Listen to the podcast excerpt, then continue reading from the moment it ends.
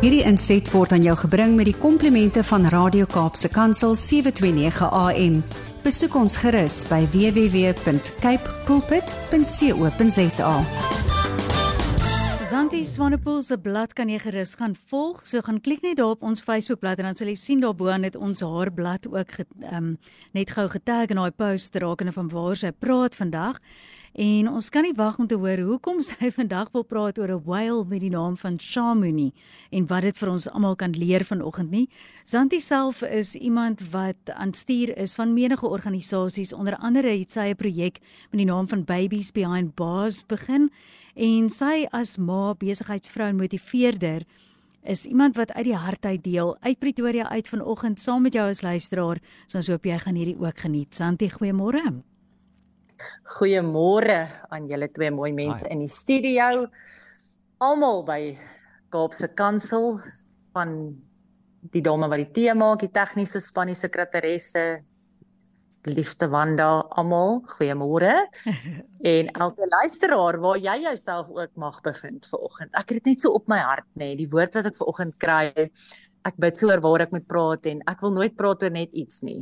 Vir my is hierdie tyd op lig kosbaar en ek wil regtig hê dit moet ewigheidswaarde hê en daarom hmm. ja, vra ek die Here baie diep waaroor ek elke Woensdag moet praat en vanoggend ook bid daaroor. Toe kom die woorde in my gees op en dis hoekom ek julle elkeen by die naam wil groet vanoggend en elke luisteraar waar jy ook al is by die werk in jou kar, by die kinders voor die skorrelgoed, wat jy ook al doen. Ek het net so in my gees beleef vanoggend dat die Here sê, ek sien jou. Hmm. I see you. Mag jy dit vir oggend jou eie maak en sommer net ja, vasmaak in jou gees dat die Here jou nie verbykyk nie. But he sees you. Hmm. En um, dit was so net so uitbreek in obedience. Wat oor ek vir oggend wil praat is ag, weet jy, hierdie storie eh, is net vir my so na in die hart. Hmm. Maar ek het julle mos gesê dat dit dit is 'n nuwe jaar nê, nee, so ons moet 'n bietjie ons paradigma skuif en ons moet bietjie leer uit goeders wat nie gewerk het nie en ons moet bietjie kyk wat het gewerk en ons moet dit bietjie bietjie meer doen. En ek wil vir oggend deur 'n storie wat ek jou wil vertel, wil ek jou paradigma in jou kop en ek gaan jou challenge en ek gaan dit vir jou skuif. Want jy sien die totale teenoorgestelde gebeur tans in ons eie land, in jou eie gemeenskap en in die wêreld die teenoorgestelde van wat ek vandag vir jou gaan sê. En ons sien die vrug van die teenoorgestelde ook rondom ons vandag.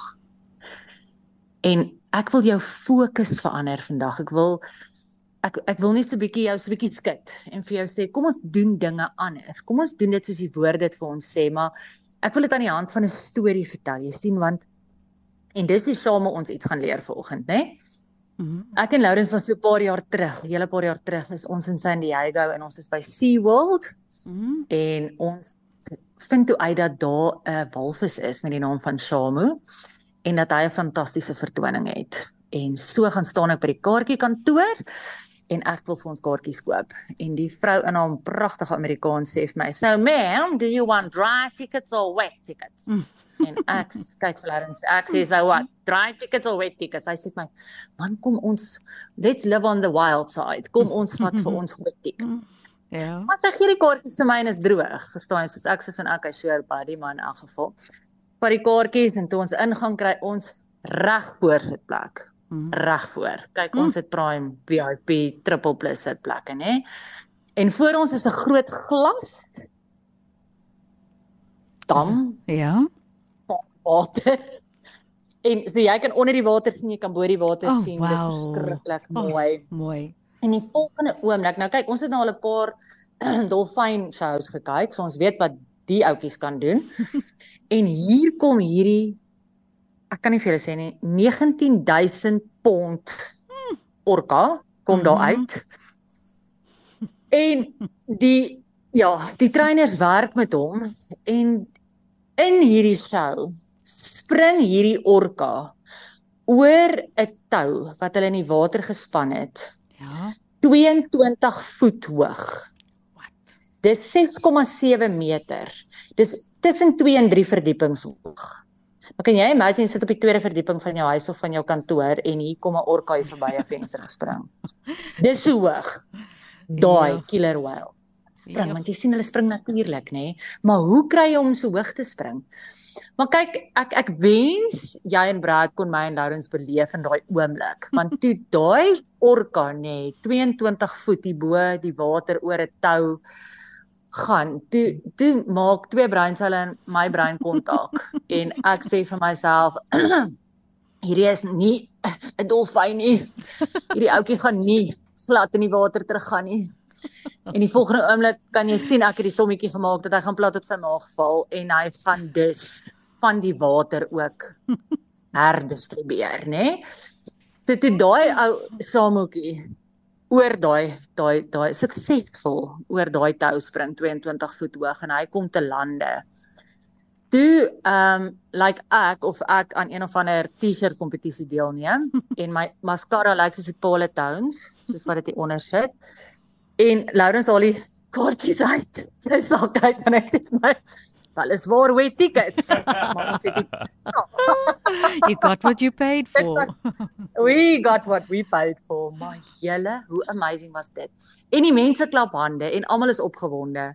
En ek dink by myself, oh my word, wat doen hierdie trainers? Want hoe kan hulle dit regkry dat 'n walvis mm. van 19000 pond amper 3 verdiepings hoog uit 'n water gehoorsaam elke keer oor 'n tou spring. En ek kan nie my kinders kry om hulle kamers aan die kant hou. Wat? What is happening? Dit dis wat deur my kop gaan. Ek weet nie wat deur die ander mense se kop gaan het nie, maar ek sit daar en ek dink I have to learn something. Hier is 'n les om te leer. Ja. En ek moet hom nou leer, want iets doen hulle reg en ek duidelik nie. en ek vir hulle is nie so ek en jy gaan nou met daai trainers praat. Hy sê ons kan nie dit doen nie, ek sê ons gaan. Hier is iets om te leer. So gaan ons na die trainers toe en ek sê vir hulle hoorie so ek weet ek kan, kan ek met julle praat nie hulle sê is reg. Ek sê ek wil baie geluk julle doen fantastiese werk maar asseblief vertel vir my wat doen julle hierso. Hoe kry julle dit reg en my kinders wil nie vir my luister nie. Ja. En ek bedoel hulle is intelligente mense. Wat mm. wat nou? Hulle sê vir elke mevrou, kom ek sê vir jou hoe doen ons dit en dan vergelyk jy dit nou in jou kop met hoe julle julle kinders opvoed. Ek sê, mm. reg, go for it. Sy sê eers as ons hierdie orka kry, dan kry hy ons vir hom 'n environment waarin hy wil wees. So hulle maak hom gewoond aan sy nuwe milieu. Ja. They create a beautiful environment for the orca. Die eerste lesie wat jy kan leer, nê. Nee. Do we create beautiful environments for people to be in? Or do we disturb the environment the whole time? So hulle create hierdie ongelooflike environment. En dan wat hulle doen is hulle span 'n tou. Hulle stel nie 'n doelwit vir die orka en sê vir hom jy sal in die volgende maand 22 voet uit die water uitspring nie. Mm -hmm. Maar wat doen ons? Nee, ons ons het hierdie verskriklike doelwitte. Ons sê ons wil in die volgende 3 maande 22 voet. Hulle doen glad nie. Mm -hmm. Hulle sê let's see how far we can go. En dan begin hulle met die tou en hulle sit hom onder die water. Mm -hmm. En as hierdie orka per ongeluk behoort die tou gaan. Ek gaan net per ongeluk oor. Jene dan celebrate hulle. Dis vis en dis swem en dis musiek en dit is 'n groot celebration. en as hy onder deur die tou gaan, doen hulle absoluut niks. Dan sit hulle 'n bietjie hoor die tou. As hy oorgaan, dan spring hulle in, dans, musiek, vis, groot party. As hy onder deur gaan, doen hulle absoluut niks. Dan sit hulle hom op die meniskus van die water. Hmm. Want hulle weet dat walvisse 'n natuurlike geneigtheid het om te spring. En wanneer die walvis oor hierdie tou spring, dan is dit groot partytjie en celebration. En as hy onderdeur gaan en doen hulle absoluut niks. Dan begin hulle hom 'n stukkie bo die water uitsit. Hmm. En as ongeluk boor dit spring, dan hou hulle groot partytjie musiek, vis, alles. En as hy onderdeur gaan doen hulle absoluut niks. Hmm. Hulle het nie dissiplinêre aksie met die walvis omdat hy onderdeur gegaan het nie. Hmm. Hulle het nie electric shocks wat hulle uitdeel vir hom nie. Daar's nie konstruktiewe kritiek vir hom nie. Hmm. Daar's nie developmental feedback nie. Daar's nie warnings nie. Because they teach a whale that their negative behavior will not be acknowledged. Hmm. Wat 'n mooi beginsel. Negative behavior will not be acknowledged. En so gaan hulle aan met daai tou totdat hy 22 amper 3 verdiepings uit die water uit is. En as daai walvis oorspring, celebrate hulle. Hmm. En as hy onder deur gaan doen hulle absoluut niks. En die beginsel wat hulle toe vir my leer daar is, hulle sê vir my Zanti, hoe maak jy jou kinders groot? Because you see, we live with one fundamental, one philosophy, one principle we apply in this place with all our animals. Hmm. We over celebrate and we under criticize. Sjoe. Julle en daar kon jy daai daai hele vrag water kon jy toe maar weer op my uitgooi. Hm. Want ek besef dan die al wat jy doen is you over criticize and you barely celebrate. Sure. Nie met myself nie, nie met my man nie, nie met my kinders nie, nie by die werk nie. En ek wil vandag vir jou uitdaag. You see, die eerste les wat ons moet leer is that we need to set up circumstances so that people cannot fail. Hm. Is nie mooi nie. Dis my so mooi as hulle met hierdie met hierdie whale, die trainer sê they reinforce behavior that would not see that they reinforce behavior they want to see repeated, né? Nee? And then they influence the environment in every way so that they can create and support the principle of making sure that the whale cannot fail. Hmm. En toe begin ek besef, maar weet jy wat Zanti, jy gaan moet nie probeer om jou kinders of jou kollegas of jou baas of jou man of jou siblings of wie ook al te probeer uitvang as hulle iets verkeerd doen nie. Maar ek gaan hulle moet probeer uitvang as hulle iets goeds doen. Hmm. En dit het my paradigma vir altyd verander. Jy sien daar's 'n man wat sê sy naam is Charles A Conrad en hy het gesê in my opinion most successful businesses today are doing things right more than 95% of the time. 90% van die tyd doen hulle alles reg. Ja. But they spend the majority feedback on what? The hm. 2, 3, 4 or 5% of the things they don't want repeated or didn't want to have happen in the first place. Ja. Julle wat gaan gebeur? Ek ek challenge jou vandag en ek weet ek het 2 sekondes oor om te praat, maar ek challenge jou vandag. Wanneer laas het jy jouself geselebrate? En ophou kritiseer. When last did you celebrate your husband or your wife? Not because they did anything right, but because it's your philosophy in life. When last did you celebrate your children, your colleagues? When last did you just focus on the 95% you do right? Because that's truth. When last did you reinforce the good things in your life and not even acknowledge the bad? Want jy sien ek sluit af met Filippense 4 vers 8 wat sê.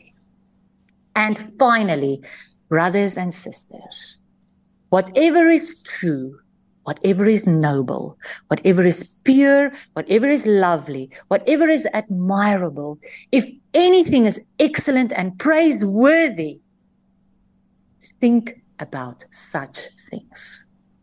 Shamu, dankie dat jy my geleer het dat ek vandag 'n persoon is that over celebrates life and under criticize.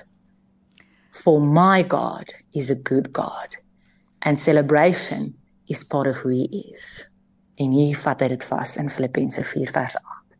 Amen. Hierdie inset was aan jou gebring met die komplimente van Radio Kaapse Kansel 729 AM. Besoek ons gerus by www.cape pulpit.co.za.